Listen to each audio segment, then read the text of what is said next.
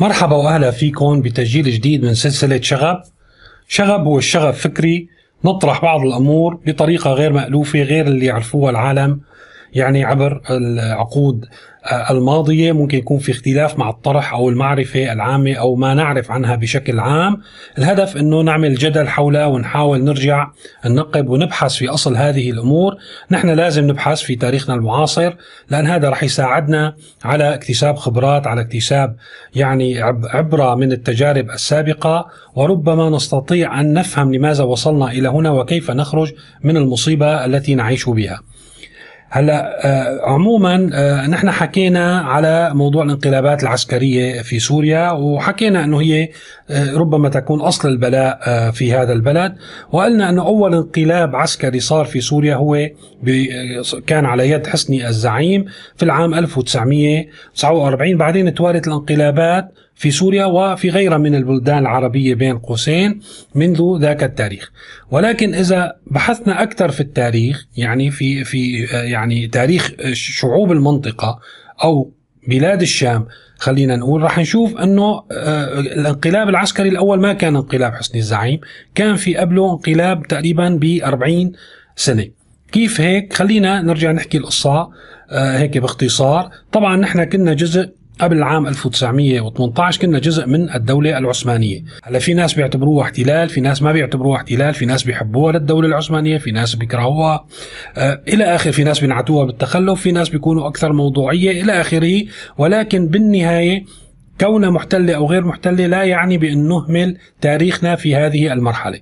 يعني مثلا الدولة الفرنسية كانت محتلة لسوريا ونحن حقيقة مفند كل شيء فيها. مين كان رؤساء ومين كان رؤساء الوزراء والبرلمانات اللي تشكلت والمندوبين الساميين وكل هذا التاريخ عبر يعني تواجد آه، فرنسا من عام 1920 لعام 1947 معروف بالحرف وبالميلي.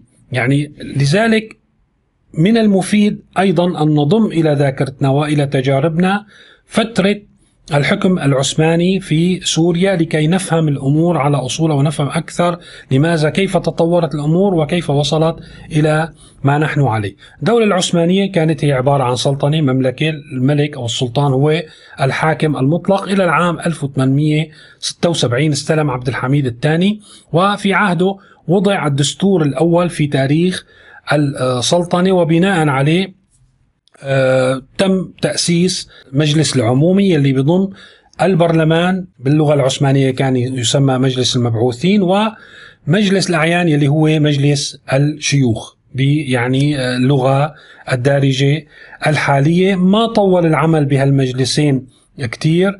تم تعليق العمل بالدستور وحل البرلمان بعد أقل من سنتين من تشكيلهم في العام 1878 استمر حكم عبد الحميد الثاني حوالي 30 سنة لحتى ظهرت بعض التنظيمات والأحزاب ومنهم حركة تركيا الفتاة يلي صارت بعدين هي آه، حزب الاتحاد والترقي يلي عمل نوع من التحرك أو التمرد ضد السلطان العثماني عبد الحميد الثاني واللي من خلال هذا التمرد وافق السلطان عام 1908 إعادة العمل بالدستور يلي بسموه هو المشروطية، ليش مشروطية؟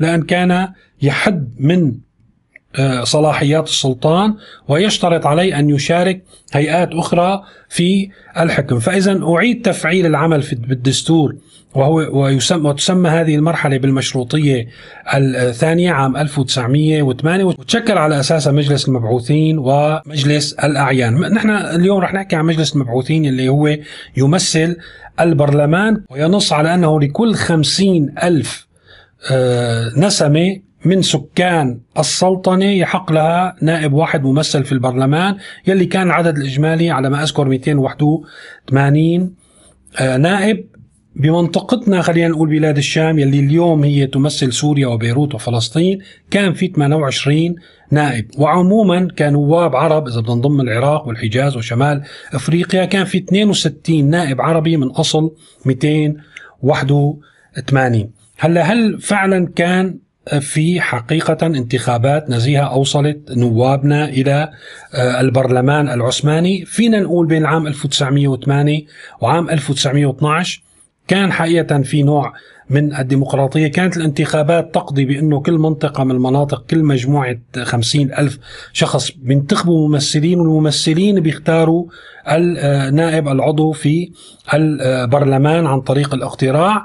وهكذا مثل ما قلنا وصلوا 28 نائب من منطقتنا إلى البرلمان العثماني وصولا إلى عام 1912 طبعا خلال هالفترة في ناس استقالوا لأنه تعينوا بمناصب دوله كان ممنوع تجمع بمنصب عام في السلطة التنفيذية وتكون في ذات الوقت في السلطة التشريعية. وفي منهم توفوا. لذلك صار في انتخابات فرعية وارتفع عدد المشاركين في البرلمان عن منطقتنا إلى 32 آه، نائب في البرلمان. العثماني.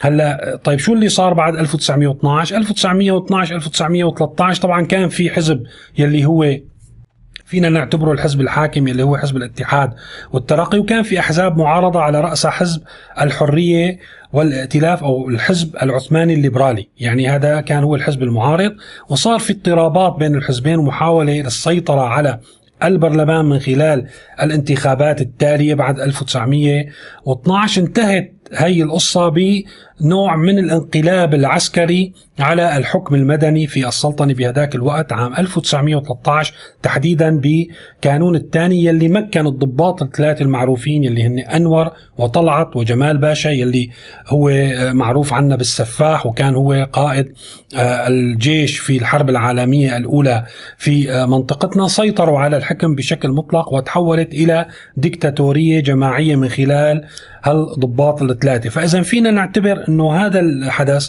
يلي هو انقلاب عام 1913 من قبل هدول العسكر الضباط الثلاثة على الحكم المدني التمثيلي البرلماني في الدولة العثمانية. هو أول انقلاب شهدته المنطقة لأن إحنا كان لنا نواب في هذا البرلمان وكنا مشاركين في مثل مثل باقي المناطق. الدولة العثمانية اللي كانت ممتدة على ثلاث قارات وتم إنهاء هذه التجربة الوليدة. يعني نحن إذا بنسأل إنه ليش الدولة العثمانية كان فيها برلمان يعني بالكاد آه، صار فيها برلمان لمدة أربع سنوات في نهاية الدولة العثمانية يلي بعد ما آه، صارت الثورة عام 1913 وسيطروا على العسكر. طبعا وبفعل كثير من العوامل. يعني الدولة العثمانية ما كانت مزدهرة آه، دائما هي بلشت يعني في في الركود منذ القرن السادس عشر.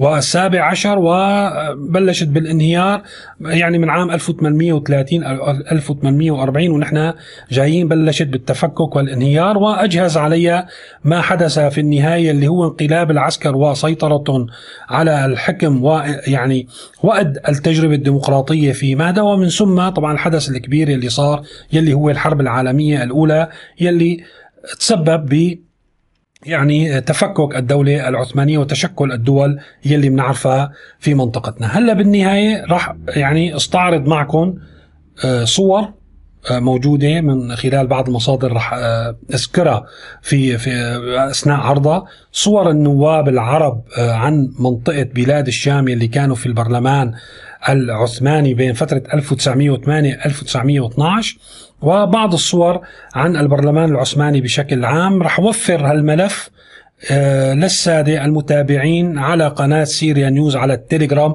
رح أحط لكم رابط الملف فيكم تحملوه. تحملوا كل الدراسة الحقيقة آه، حول هذا آه، الموضوع مرفقة بالصور اللي بدكم تشوفوها على الشاشة. وللسادة الأعضاء رح اترك لهم المجال يحصلوا على الصور اللي انعرضت أثناء حديثي للبرلمان العثماني والنواب العرب الموجودين فيه على قناة اليوتيوب. آه، راح آه، انشر لهم إياها بشكل حصري آه، يعني نوع من الشكر والتقدير ل آه، انتسابهم للقناة ودعمهم المادي له وطبعا الشكر لجميع المتابعين للمتابعة للاشتراك في القناة. دائما المحتوى على هذه القناة مجاني ويصل إلى آه، الجميع. ونرجو أن نكون عند حسن ظن كل المتابعين. شكرا لكم وإلى اللقاء في تسجيل قادم.